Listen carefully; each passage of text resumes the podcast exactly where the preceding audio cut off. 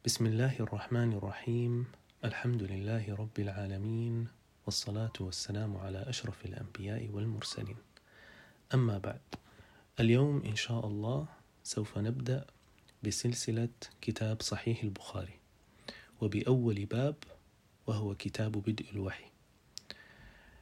عن عمر بن الخطاب رضي الله عنه قال سمعت رسول الله صلى الله عليه وسلم يقول إنما الأعمال بالنيات وإنما لكل امرئ ما نوى.